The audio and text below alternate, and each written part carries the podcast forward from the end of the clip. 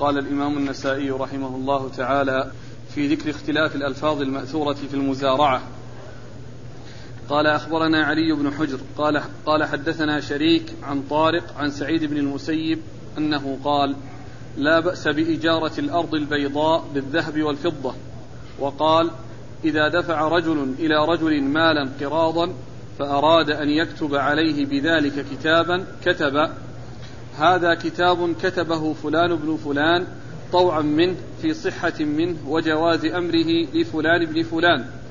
أنك دفعت إلي مستهل شهر كذا من سنة كذا عشرة آلاف درهم وضحا جيادا وزن سبعة قراضة وزن سبعة قراضا على تقوى على تقوى الله في السر والعلانية وأداء الأمانة. على أن أشتري بها ما شئت ما شئت منها كل ما أرى أن أشتريه وأن أصرفها وما شئت منها فيما أرى أن أصرفها فيه من صنوف التجارات وأخرج بما شئت منها حيث شئت وأخرج وأخرج وأخرج أخرج. وأخرج بما شئت منها حيث شئت وأبيع ما أرى أن أبيعه مما أشتريه بنقد رأيت أم بنسيئة وبعين رأيت أم بعرض على أن أعمل في جميع ذلك كله برأيي وأوكل في ذلك من رأيت وكل ما رزق الله في ذلك من فضل وربح بعد رأس المال الذي دفعته المذكور إلي المسمى مبلغه في هذا الكتاب فهو بيني وبينك نصفين. لك منه النصف بحظ رأس مالك ولي فيه النصف تاما تاما بعملي فيه. وما كان فيه من وضيعة فعلى رأس المال. فقبضت منك هذه العشرة آلاف درهم الوضح الجياد مستهل شهر كذا في سنة كذا. وصارت لك في يدي قراضا على الشروط المشترطة في هذا الكتاب. أقر فلان وفلان وإذا أراد أن يطلق له أن يشتري ويبيع وإذا أراد أن لا يطلقه. وإذا أراد أن لا يطلق له أن يشتري ويبيع بالنسيئة كتب وقد نهيتني أن أشتري وأبيع بالنسيئة. بسم الله الرحمن الرحيم. الحمد لله رب العالمين وصلى الله وسلم وبارك على عبده ورسوله نبينا محمد وعلى آله وأصحابه أجمعين. أما بعد فقد ذكر النسائي فيما مضى أحاديث كثيرة عن جماعة من الصحابة تتعلق بالمزارعة وقد ذكر في آخرها هذا الأثر عن سعيد المسيب الذي فيه أنه إذا آه أنه لا بأس أن يستأجر بالذهب والفضة إيش اللفظ؟ أول أول قال لا بأس بإجارة الأرض البيضاء بالذهب والفضة. لا بأس بإجارة الأرض البيضاء بالذهب والفضة. يعني أن استئجار الأرض لزراعتها وهي خالية ليزرع فيها ما شاء من آه الأصناف أنه لا بأس بها بالذهب والفضة. أي أن كون الإنسان يدفع ذهبا أو فضة في مقابل استئجارها لمدة سنة أو أكثر أن ذلك لا بأس به ويزرعها ثم ما حصل من ثمرة وفائدة فهي تخص المستأجر لأن المؤجر أخذ الأجرة التي هي مقدار معين من الذهب والفضة. وقد عرفنا أن ذلك سائغ وأنه لا بأس به أي استئجارها بالذهب والفضة. وكذلك استئجارها بجزء معلوم النسبة مما يخرج منها. أيضا لا بأس بذلك. آه ثم ذكر آه يعني آه أنه إذا دفع شخص لآخر مالا على أن يعمل به العامل الذي دفع إليه مضاربة وأراد أو وكتب أو آه، آه، حصل حصلت الكتابة بينهما في إبرام هذا العقد فإنه يكتبه على هذه الصيغة التي أشار إليها والتي ذكرها إيش قال؟ وإذا دفع. إذا دفع رجل إلى رجل مالا قراضا فأراد أن يكتب عليه بذلك كتابا كتب إذا دفع إلى إلى رجل مالا قراضا يعني دفعه قراضا اللي هو المضاربة. القراض هو المضاربة. يقال وهو كون وهي الاشتراك وهي شركة آه، بين طرفين أحدهما يعمل والثاني يمول يدفع رأس مال. بحيث يبيع العامل ويشتري وما حصل من ربح فهو بينهما على النسبة التي يتفقان عليها. هذه المضاربة. وقال لها قراض ويقال لها مضاربة. والغالب في استعمال أهل الحجاز أنهم يقولون مضاربة قراض. وفي استعمال أهل العراق يقولون مضاربة. وهما بمعنى واحد.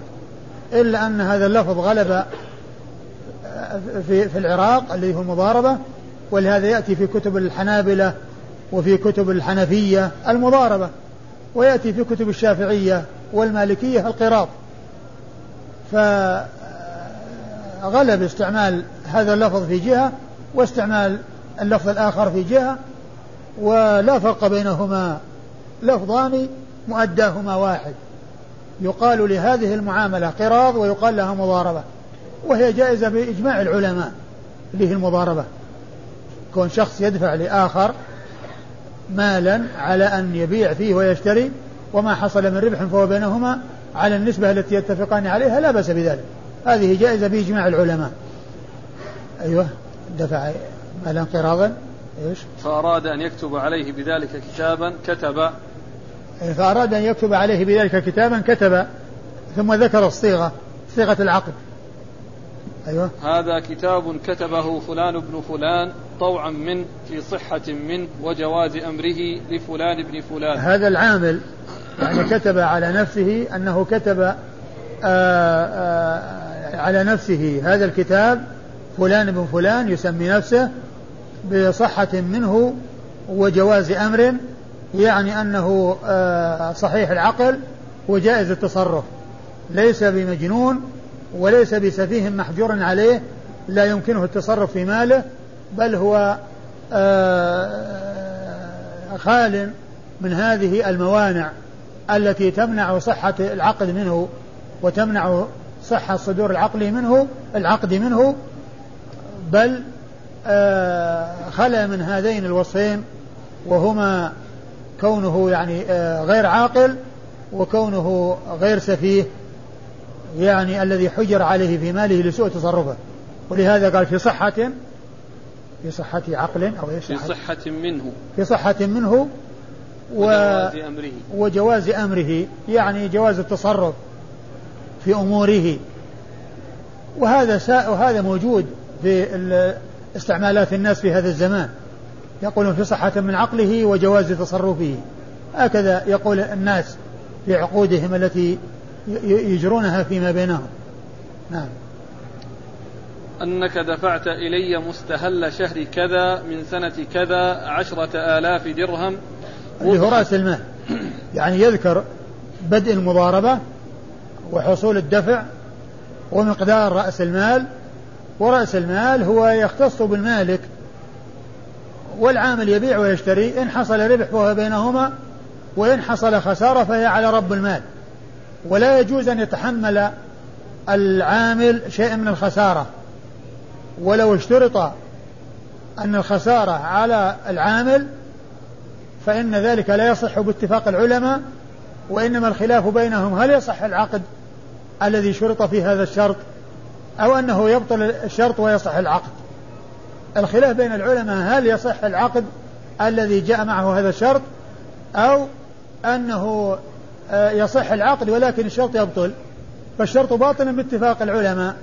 لكن هل بطلانه يقتصر عليه والعقد يبقى ساري المفعول أو أنه يسري إلى أصل العقد فيبطله ويحتاج إلى عقد جديد خالي من هذا الشرط الفاسد وهذا الشرط الباطل؟ فالخسارة على رب المال والربح بينهما.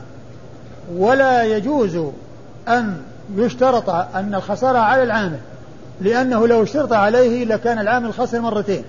خسر في التصر في عمله لأنه ضاع مجان وبدون مقابل وكونه خسر أي تحمل حمولة بالإضافة إلى ضياع عمله بدون مقابل لأنه ما حصل ربح لأنه كان يعمل من أجل يحصل ربح وما حصل ربح بل حصل خسارة.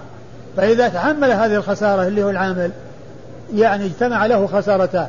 خسارة كون عمله ضاع بدون فائدة وكونه تحملت ذمته شيئا آه يعني آه ليس له أن يتحمله. وإذا حصل ربح فهو بينهما على النسبة التي يتفقان عليها وإن حصل خسارة فهما كل خسر. هذا خسر عمله وهذا خسر ماله. الخسارة مشتركة والربح مشترك. إن حصل خسارة في رأس المال العامل ضاع عليه عمله وخسر. والمالك ضاع عليه ماله. وإن حصل فهو بينهما. نعم. أنك دفعت إلي مستهل شهر كذا من سنة كذا عشرة آلاف درهم وضحا جيادا وزن سبعة قراضا. هذا وصف النقود يعني في ذاك الوقت. نعم. على تقوى على يعني تقوى دفعتها إلي قراضا. يعني هكذا التنصيص في العقد قراضا. يعني حتى يخرج أن كونه قرض يعني سلف أو كونه يعني هبة كونه عطية يعني كلمة قراضا يعني تبين إيش لماذا دفعت؟ يعني إيش المقصود من دفعها؟ دفعت على أنه في شركة شركة مضاربة شركة قراض نعم من, من, من أحدهما العمل ومن أحدهما رأس المال. وهذا يعني آه، آه، آه، تشريع أو جواز هذه العملية للمضاربة فيه فائدة ومصلحة. لأن من الناس من يكون عنده المال المتكدس لكن ما عنده قدرة على التصرف. ما يجد البيع والشراء. السلاح موجود لكن ما عنده قدرة على أن يشتغل. وبعض الناس يكون عنده حذق وفطنة وخبرة وقدرة على البيع والشراء لكن ما عنده رأس مال. فشرعت المضاربة حتى يستفيد هذا من مال هذا وهذا يستفيد من خبرة هذا. على تقوى الله في السر والعلانية وأداء الأمانة. يعني أن أنهم يعني يتفقون على تقوى الله عز وجل. كل واحد يتقي الله في شريكه وفي أمانته وأن كل منهما عليه مراقبة الله عز وجل. لا يخون ولا يقصر في حق صاحبه ولا يخون في أمانته. لا يخفي منها شيئا ولا يختلس منها شيئا ولا يأكل منها شيئا ويجحده وإنما يتقي الله عز وجل ويؤدي الأمانة. على أن أشتري بها ما شئت منها كلما أرى أن أشتريه يعني معناه أنها مضاربة مطلقة ليست مقيدة في شيء.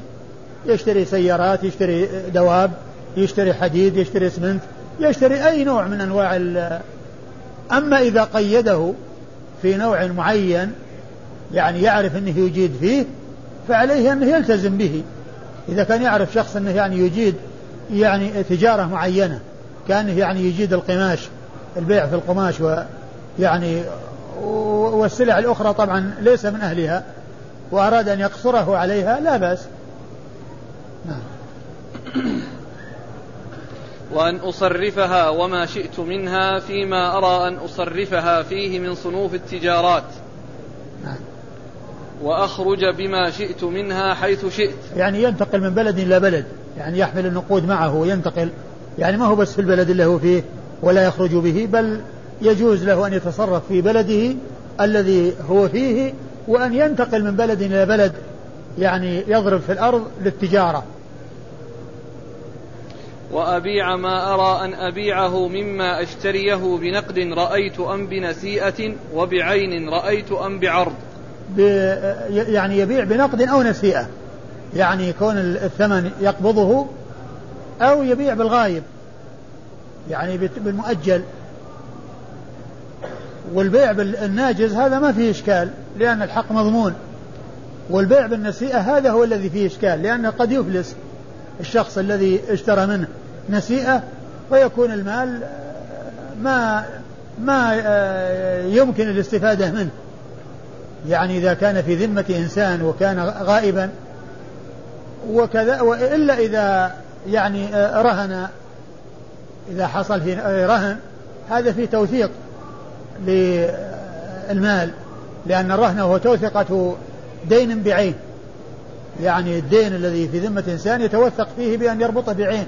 هذه العين إذا أفلس أو كذا تباع ويأخذ حقه منها.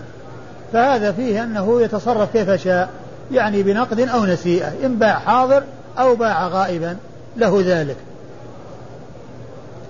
أيوة. يقول وبعين رأيت أم بعرض. عرض ولا عوض؟ عندنا عرض. عرض.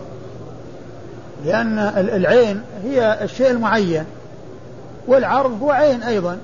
كما هو معلوم يعني عروض التجارة هي أعيان فلا أدري يعني هل كلمة العرض هذه يعني يراد بها يعني العرض أو أنها عوض يعني يكون يعني بعين أو ب يعني نقود يعني بهذا أو بهذا إلا أن كلمة النقد يعني فيما مضى يعني تشعر بحصول النقد.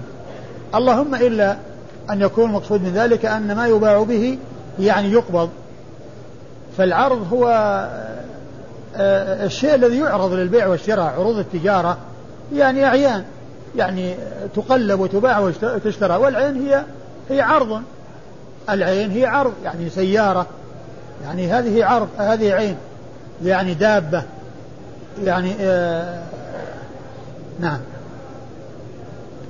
على أن أعمل في جميع ذلك كله برأيي. يعني برأيه ما يجي يستشيره. ما يعني آه، يقيد بأنه يعني ما يتصرف إلا بالرجوع إليه. نعم. وأوكل في ذلك من رأيت. نعم. وكل ما رزق الله في ذلك من فضل وربح بعد رأس المال الذي دفعته المذكور إلي المسمى المسمى مبلغه في هذا الكتاب. وعشرة آلاف درهم اللي مرت في, في أول الكتاب. نعم. فهو بيني وبينك نصفين. يعني هذا على هذا على اتفاق أن الربح نصفين ويجوز أن يكون ثلث ثلثين أو ربع وثلاثة أرباع أو خمس وأربعة أخماس وهكذا. لك منه النصف بحظ رأس مالك ولي فيه النصف تاما بعملي فيه. يعني لك النصف بحظ رأس مالك يعني من أجل مالك. أنت استفدت الربح من أجل مالك. وأنا لي النصف بحظ عملي من أجل عملي. وما كان فيه من وضيعة فعلى رأس المال. يعني ما كان فيه وضيعة خسارة على رأس المال. يعني ليست على العامل. فقبضت منك هذه العشرة آلاف درهم. الوضح الجياد مستهل شهر كذا في سنة كذا. يعني بدل المضاربة. وصارت لك في يدي قراضا على الشروط المشترطة في هذا الكتاب. يعني صارت لك في يدي قراضا يعني ما هي في يدي يعني وديعة ولا في يدي آه، عطية ولا في يدي آه، سلف قرض وإنما هي قراضا. أقر فلان وفلان. أقر فلان وفلان يعني هذا مثل ما يكون التوقيع في أسفل الكتاب. كل واحد يعني يكتب توقيعه وإقراره. أيوة. وإذا أراد أن لا يطلق له أن يشتري ويبيع بالنسيئة كتب وقد نهيتني أن أشتري وأبيع بالنسيئة. لأن الذي مر على أساس أنه أطلق له أن يبيع بالنسيئة. ولهذا قال أبيع بما شئت من نقد أو نسيئة. وإذا كان أراد آه، المالك ألا يبيع بالنسيئة يعني كتب يعني وقد نهيتني أن أبيع بالنسيئة يعني إنه ليس من حقي أن أبيع بالنسيئة لأنك نهيتني عن ذلك ومنعتني من ذلك. هذا عقد عقد مضاربة وكما هو واضح فيه آه، الدقة وفيه الوضوح ويعني الابتعاد عن آه، اللبس والنقص الذي يترتب عليه الخصومات والاختلاف. لأنه إذا كانت العقود فيها ثغرات كل ما يكون في ذلك سببا للاختلاف بينهم. هذا يقول أنا أردت كذا وهذا يقول أنا أريد كذا وهذا يقول لي كذا يقول ليس لك كذا. لكن إذا كان موجود في العقد خلاص ما في مجال للأخذ والرد. نعم. قال أخبرنا علي بن حجر. أخبرنا علي بن حجر. علي بن حجر بن إياس السعدي المروزي ثقة أخرج حديث البخاري ومسلم والترمذي والنسائي. عن شريك. عن شريك بن عبد الله شريك بن عبد الله النخعي القاضي وهو صدوق آه، يخطئ كثيرا أخرج حديث البخاري تعليقا ومسلم وأصحاب السنة الأربعة. عن طارق. عن طارق بن عبد الرحمن البجلي وهو ثقة. صدوق له أوهام صدوق له أوهام أخرج حديث أصحاب كتب الستة عن سعيد بن المسيب عن سعيد بن المسيب وهو ثقة فقيه من فقهاء المدينة السبعة في عصر التابعين وحديثه أخرجه أصحاب كتب الستة قال شركة عنان بين ثلاثة. نعم. شركة عنان بين ثلاثة. يعني شركة العنان هي التي يكون فيها الاشتراك بالعمل والمال. لأن التي مرت اشتراك بعمل ومال. عمل من شخص ومال من شخص. وأما هذه كل واحد منه رأس مال وكل واحد منه عمل. كل واحد منه رأس مال وكل من وكل منهم له له عمل. مشتركون في رأس المال وفي العمل. ولهذا قيل شركة عنان يعني أن أن أن, أن المشتركين يعني آه كأصحاب الرهان في الخيل يعني آه مثل ما يقال فرسي عنان. يعني آه يعني معناه أنهم متماثلين. يعني متماثلين في رأس المال ومتماثلين في العمل. لو أعدت جزاك الله خير التعريف كل تعريف الشركة شركة العنان هي اشتراك بين الشريكين أو أكثر في المال والعمل. كل منه من كل منه منه رأس مال وكل منه منه عمل. ليست كالسابقة السابقة واحد منها عمل والثاني رأس مال. وهذه كل منهما منه عمل ومنه رأس مال.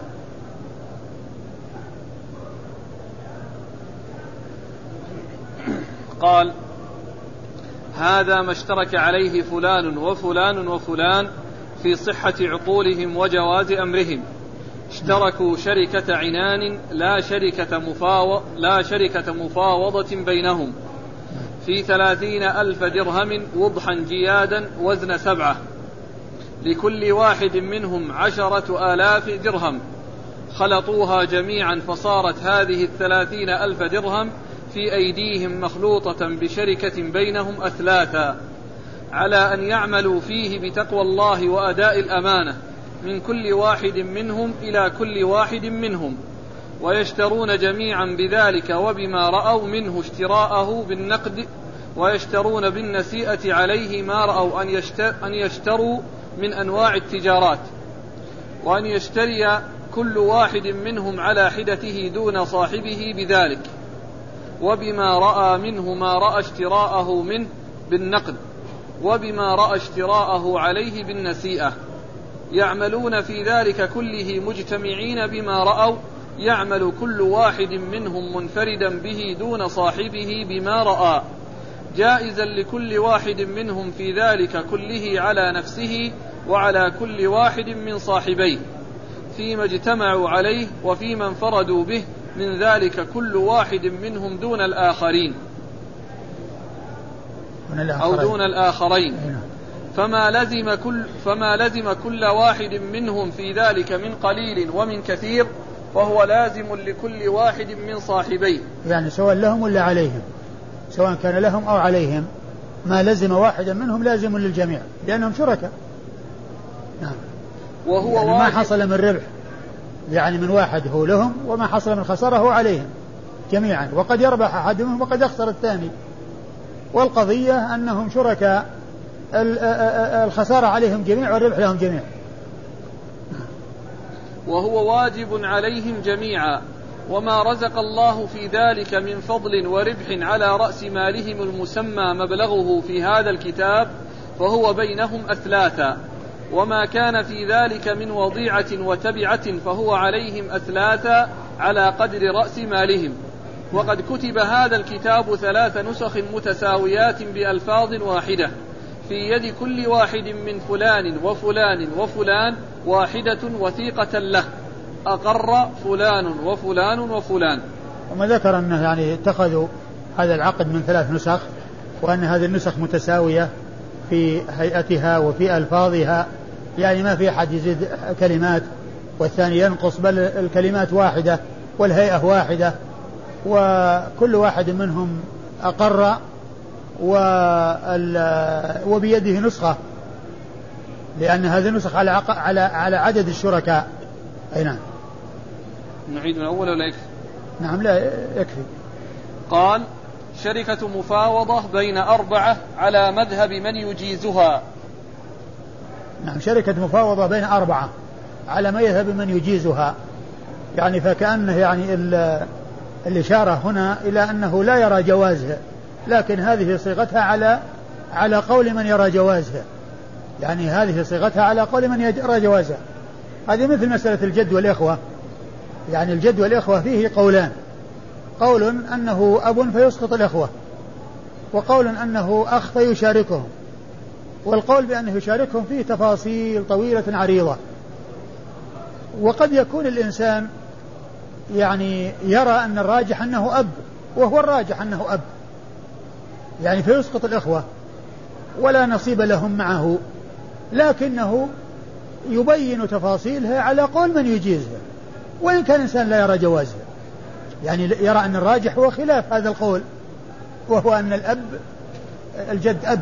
فيسقط الإخوة لكنه يمكن أنه يشتغل في شيء على قول من يرى أنه آه، أخ فيشاركه يعني فيعلم الشيء وإن كان لا يراه يكون على علم به ومعرفة به وإن كان لا يرى وإن كان يرى خلافه.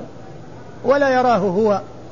يعني يرى أنه أب فيسقط الإخوة وانتهى ولا ولا في حاجة إلى العمليات والمسائل الكثيرة الطويلة العريضة المتعلقة في الجد والإخوة.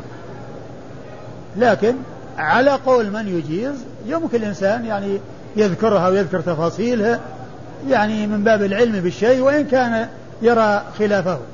فكلمة هنا وإن على قول من يرى على قول من يجيزها يعني كأن المسألة أنه يفهم أنه لا يرى جوازها.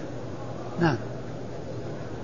والمفاوضة فسرت فسرها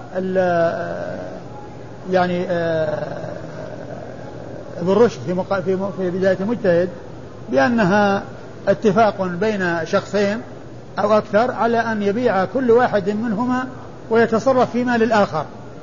ويتصرف في مال الآخر يعني يشتركون في يعني في, في المال وفي العمل. يشتركون في المال والعمل. وهي يعني آه ليست عنانا. لأن العنان يعني مبين رأس المال ومخلوط يعني آه، آه، نصيب كل واحد منهم مع الآخر. نعم. فرق أيوه. ذاك ذيك مخلوطة العنان وهذه يعني ما يخلطون أموالهم؟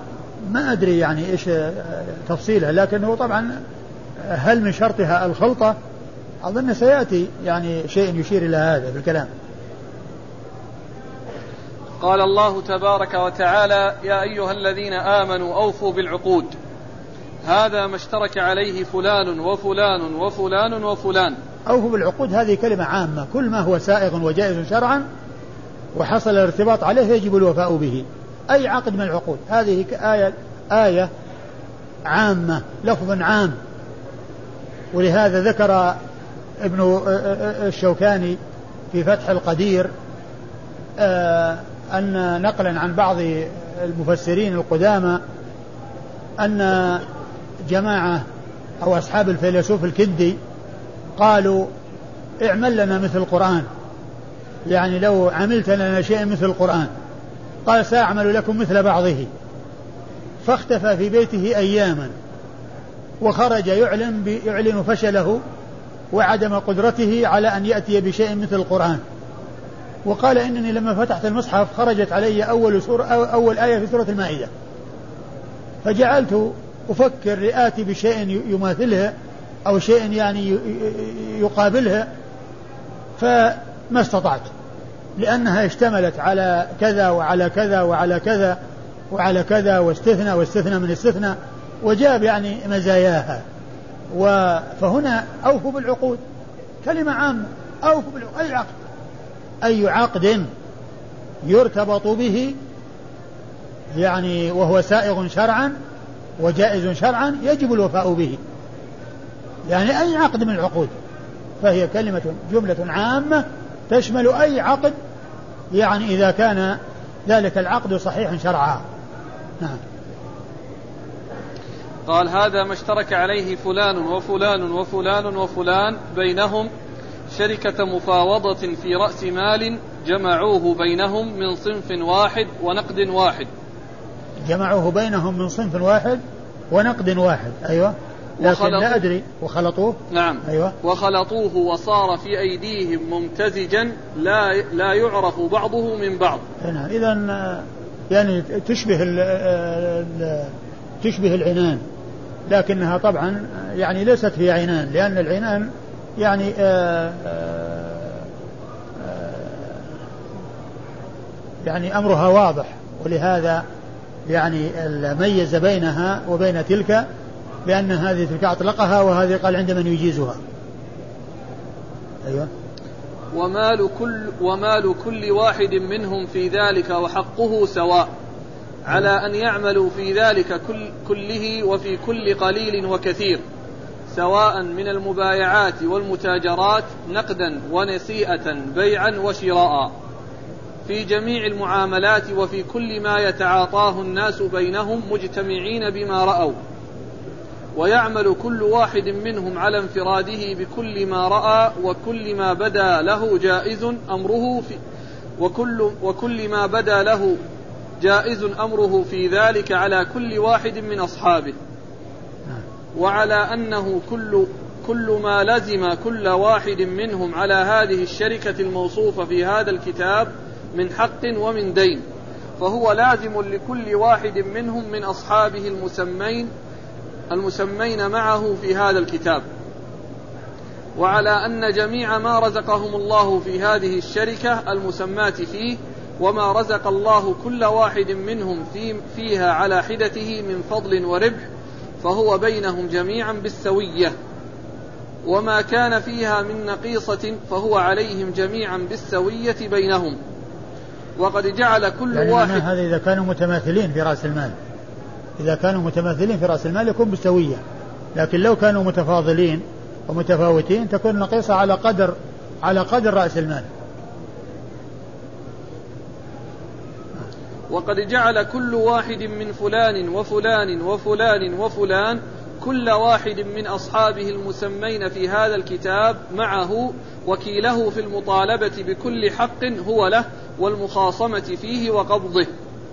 وفي خصومة كل من اعترضه بخصومة وكل من يطالبه بحق وجعله وصيه في شركته من بعد وفاته وفي قضاء ديونه وإنفاذ وإنفاذ وصاياه. وقبل كل واحد منهم من كل واحد من أصحابه ما جعل إليه من ذلك كله. أقر فلان و... و... إيش و... و... و... إيش الجملة؟ وجعله وصيه في شركته من بعد وفاته وفي قضاء ديونه وإنفاذ وصاياه. وقبل كل واحد منهم من كل واحد من أصحابه ما جعل إليه من ذلك جعل كله. إليه وجعل إليه. قبل كل واحد ما جعل جعل إليه. يعني جعل كل واحد لصاحبه. قبل كل واحد منهم ما جعل. وقبل كل واحد منهم من كل واحد من أصحابه ما جعل عليه لعله ما جعل عليه لعله. الذي جعل عليه يعني الذي أضيف إليه وأسند إليه من غيره. لأن كل واحد جاعل ومجعول. كل واحد جاعل ومجعول إليه. أي نعم. وقبل أو قبل كل واحد منهم ما جعل يعني غيره إذا كان الفاعل محذوف. موجود. وإيش. وقبل كل واحد منهم من كل واحد من أصحابه ما جعل. لأنه قال وقبل كل واحد منهم من كل واحد من أصحابه. يعني ما جعل أي كل واحد من أصحابه؟ أي نعم. يمشي يمشي. ما ضمير مستتر يرجع إلى كل واحد. أيوة. ما جعل إليه من ذلك كله. أقر فلان وفلان وفلان وفلان. أي نعم. بعده. باب شركة الأبدان. قال أخبرنا عمرو بن علي قال حدثنا يحيى شركة الأبدان هي التي ليس فيها رأس مال وإنما الاشتراك في الأبدان. يعني ناس يعني خالين اليد ما عندهم شيء ليس عندهم رأس مال وإنما عندهم أبدانهم فيقولون إحنا نروح نشتغل. يعني كل واحد يعني ندخل السوق و ونلتقي عند في وقت الغداء. وما حصل من أي واحد منا نحن فيه شركاء. يعني هذه شركة أبدان لأن ما فيها رأس مال. ما فيها إلا العمل فقط. يعني كل واحد يعني إما يشتركون مجتمعين أو متفرقين ويأتي هذا بشيء وهذا بشيء ويجتسمونه. هذه شركة الأبدان. نعم. قال أخبرنا عمرو بن علي قال حدثنا يحيى بن سعيد عن سفيان قال حدثني أبو إسحاق عن أبي عبيدة عن عبد الله رضي الله عنه أنه قال اشتركت أنا وعمار وسعد يوم بدر فجاء سعد بأسيرين ولم أجد أنا ولا عمار بشيء. ثم أورد النسائي حديث من هو؟ عبد الله بن مسعود. عبد الله بن مسعود رضي الله عنه قال اشتركت أنا وعمار وسعد يوم بدر فجاء جاء سعد, سعد نعم. بأسيرين ولم آتي أنا وعمار بشيء. يعني والرسول صلى الله عليه وسلم أقرهم على ذلك. والمقصود من ذلك يعني السلب. الذي يحصل يعني حيث يجعل السلب في حال الغزو. وإلا فإن الأسرى يعني كما هو معلوم يعتبرون من الغنيمة لكن قد يجعل السلب. فإذا كانوا مشتركين يعني يعني جعل السلب لمن يأتي به وقد اشتركوا فإنه يكون بين الشركاء. إن أتوا جميعا اشتركوا وإن أتى واحد منهم فالباقين شركاء له. أورد النسائي حديث عبد الله بن مسعود رضي الله عنه آه الذي آه فيه أنه اشتركه عمار وسعد بن أبي وقاص يوم بدر فجاء سعد بأسيرين ولم يأتي ألم آتي أنا وعمار بشيء؟ وقد اشتركوا في ذلك يعني فالحاصل من هذين الأسيرين هو بينهما على اعتبار أنها شركة أبدان. نعم والإسناد؟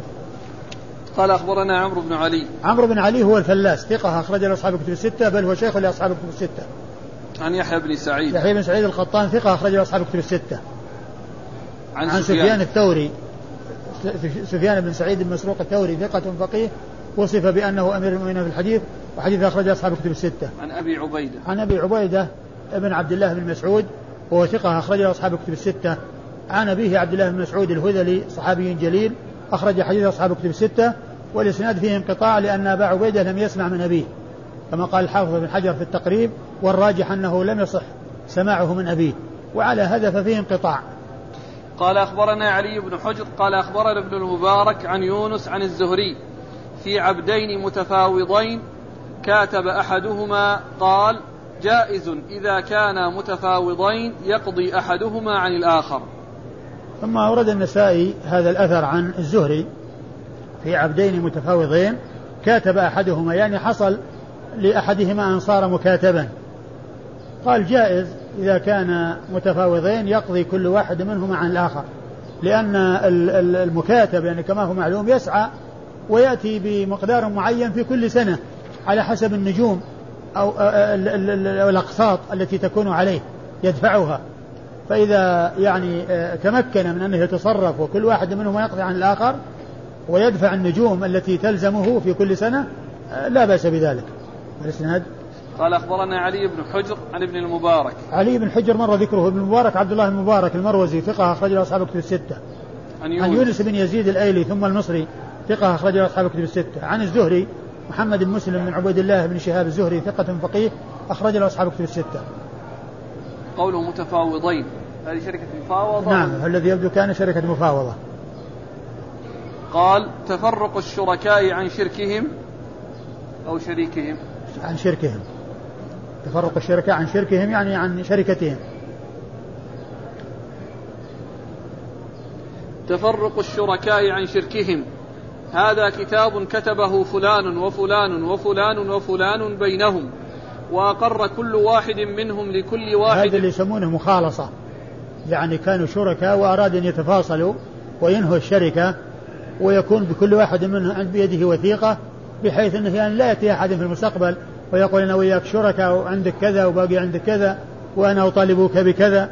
يعني يكتبون وثيقة فيما بينهم أنهم متخالصين وأن كل واحد خلص من تلك الشركة وأنه لا ارتباط لأحد أنه لا طريقة لأحد عليه فيها. يعني هذا يسمونه مخالصة. نعم. هذا كتاب كتبه فلان وفلان وفلان وفلان بينهم وأقر كل واحد منهم لكل واحد من أصحابه المسمين معه في هذا الكتاب بجميع ما فيه في صحة منه وجواز أمر. أنه جرت يعني الاعترافات التي موجودة بهذا حصلت من كل واحد منهم في صحة من عقله وجواز تصرفه. نعم.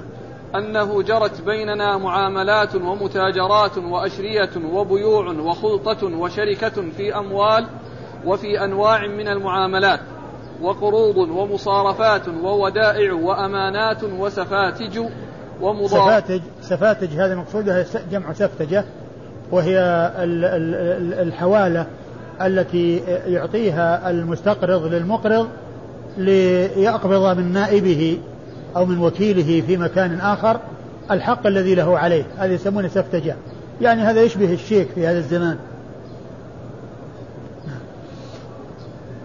قال وسفاتج ومضاربات وهي كلمة أعجمية. يعني ليست عربية. وقد ذكرها ال ال ال النووي في كتابه تهذيب الأسماء واللغات. تهذيب الأسماء واللغات لأنه كتاب عظيم نفيس. يعني أتى بالكلمات التي جاءت في فقه الشافعية والتي تحتاج إلى بيان وكذلك الأشخاص الذين جاء ذكرهم في كتب الشافعية وترجم لهم وعرف بهم هو كتاب نفيس ومفيد. لا سيما الكلمات التي تأتي في في المبايعات وفي وفي كتب الفقه وهي غريبة يعني يفسرها في هذا الكتاب. نعم.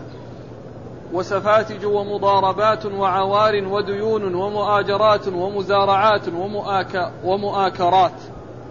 مؤاكرات يعني آه، آه، اللي هو آه، مؤاكرات بالكاف. نعم. يعني يمكن مثل أكار اللي هو الفلاح نعم أو الأجير. وإنا تناقضنا تناقضنا هذا المقصود من العقد. تناقضنا يعني تخلصنا وتفاصلنا. وأنهينا الارتباط الذي بيننا. وإنا تناقضنا على التراضي منا جميعا بما فعلنا. جميع ما كان بيننا من كل شركة شركة ومن كل مخالطة كانت جرت بيننا في نوع من الأموال والمعاملات. وفسخنا ذلك كله في جميع ما جرى بيننا في جميع الأنواع والأصناف. وبينا ذلك كله نوعا نوعا. وعلمنا مبلغه ومنتهاه وعرفناه على حقه وصدقه. فاستوفى كل واحد منا جميع حقه من ذلك أجمع وصار في يده. فلم يبق لكل واحد منا قبل كل واحد من أصحابه المسمين معه في هذا الكتاب ولا قبل أحد بسببه ولا باسمه حق ولا دعوى ولا طل ولا ولا طلبة. ولا طلبة. أنا قلت يعني طلبة. وقد رجعت القاموس ووجدت أنها طلبة بالكسر يعني ما يعني يطلبه الإنسان. يعني آه يعني ليس معناه ليس لأحد أن يطالبه. يعني وليس له طلبة يعني ليس يعني لا يطالبه بشيء. يعني لا دعوة يعني لا يدعي عليه ولا يطالبه بشيء ولا طلبة. لأن كل واحد الآن السائغ يعني عند عند الناس لا عند لا ليس له دعوة ولا طلبة. هكذا يعني سائغ عند العوام. يقولون يعني ما له دعوة ولا طلبة. يعني وهي طلبة. يعني هذا لفظ قديم مستعمل. والناس يستعملونه الآن بينهم. العوام يقولون هكذا. يعني ما له دعوة ولا طلبة. لأن كل واحد منا قد استوفى جميع حقه وجميع ما كان له من جميع ذلك كله وصار في يده موفرا أقر فلان يعني حقه بيده موفرا يعني ما ما ما للثاني عليه ما له عند الآخرين أي شيء. نعم أقر فلان وفلان وفلان وفلان. يعني أنهم أقروا بهذا الذي أبرموه فيما بينهم وقد تخالصوا وانتهى بعضهم من بعض ولم يبقى لأحد على أحد شيء فلا يأتي له في المستقبل يقول أنت عندك كذا وأنا عندي كذا وأنا باقي كذا. وخ... يعني و... يعني يبرز هذه الوثيقة ويتخلص منه. نعم. بعد. تفرق الزوجين عن مزاوجتهما. هذا الخلع. نعم. قال الله تبارك وتعالى ولا يحل لكم أن تأخذوا مما آتيتموهن شيئا إلا أن يخافا ألا يقيما حدود الله فإن خفتم ألا يقيما حدود الله فلا جناح عليهما فيما افتدت به. هذا كتاب كتب كتبته. هذا كتاب كتبته فلانة بنت فلان. كتبته فلانة بنت فلان بن فلان في صحة منها وجواز أمر لفلان بن فلان بن فلان. إني كنت زوجة لك وكنت دخلت بي فأفضيت إلي ثم إني كرهت صحبتك وأحببت مفارقتك عن غير إضرار منك بي ولا منعي لحق واجب لي عليك. يعني ما قصرت في شيء ولكني ما في قلبي لك مودة. أنا كرهتك وأبغضتك وليس في وليس في قلبي لك مودة. وأنت ما قصرت في نفقة ولا منعت حقا لي عليك بل أنت مؤد ما هو مطلوب منك ولكن لا أجد في نفسي مودة لك. أيوة.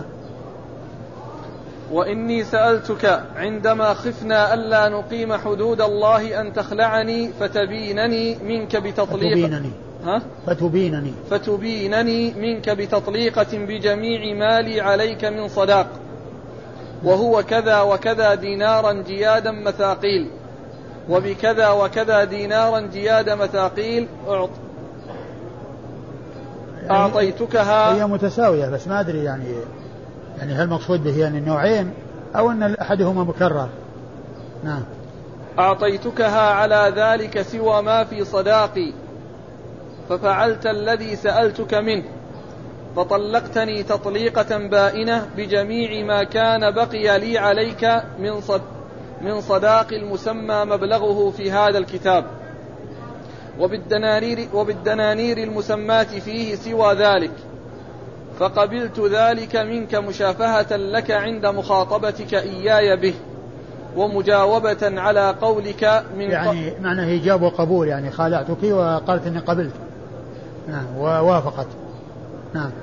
ومجاوبة على قولك من قبل تصا من قبل تصادرنا عن منطقنا ذلك. ومن قبل تصادرنا يعني آه انفضاضهم أو إعراضهم عن منطقهم يعني يعني قبل أن ينتهي الكلام الذي بينهم وقبل تفرقهم من المجلس. يعني فيه إشارة إلى آه يعني آه، الانصراف في الكلام والانصراف من من المجلس. قبل تصادرنا من منطقنا ذلك. ذلك أيوه. ودفعت إليك جميع هذه الدنانير المسمى مبلغها في هذا الكتاب الذي خالعتني عليها وافية سوى ما في صداقي. فصرت بائنة منك مالكة لأمري بهذا الخلع الموصوف أمره في هذا الكتاب. فلا سبيل لك علي ولا مطالبة ولا رجعة. وقد قبضت منك جميع ما يجب لمثلي ما دمت في عدة منك وجميع ما أحتاج إليه بتمام ما يجب للمطلقة التي تكون في مثل حالي على زوجها الذي يكون في مثل حالك. فلم يبق لواحد منا قبل صاحبه حق ولا دعوى ولا طلبة. طلبة. ولا طلبة. ولا طلبة. فكل ما ادعى واحد منا قبل صاحبه من حق ومن دعوى ومن طلبة بوجه من الوجوه فهو في جميع دعواه مبطل وصاحبه من ذلك أجمع بريء وقد قبل كل واحد منا كل ما أقر له به صاحبه وكل ما أبرأه منه مما وصف في هذا الكتاب مشافهة عند مخاطبته إياه قبل تصادرنا من عن منطقنا. وافتراقنا عن مجلسنا الذي جرى بيننا فيه أقرت فلانة وفلان. بعد. الكتابة. قال الله عز وجل. الكتابة يعني مكاتبة بين السيد وعبده على أن يحضر له مقدارا من المال منجما وإذا سدد آخر قسط فإنه يكون حرا بموجب عقد الكتابة. نعم. قال الله عز وجل والذين يبتغون الكتاب مما ملكت أيمانكم فكاتبوهم إن علمتم فيهم خيرا. هذا كتاب كتبه فلان بن فلان في صحة منه وجواز أمر لفتاه النوبي الذي يسمى فلانا وهو يومئذ في ملكه ويده. إني كاتبتك على ثلاثة آلاف درهم. النوبي يعني جنس يعني من النوبة.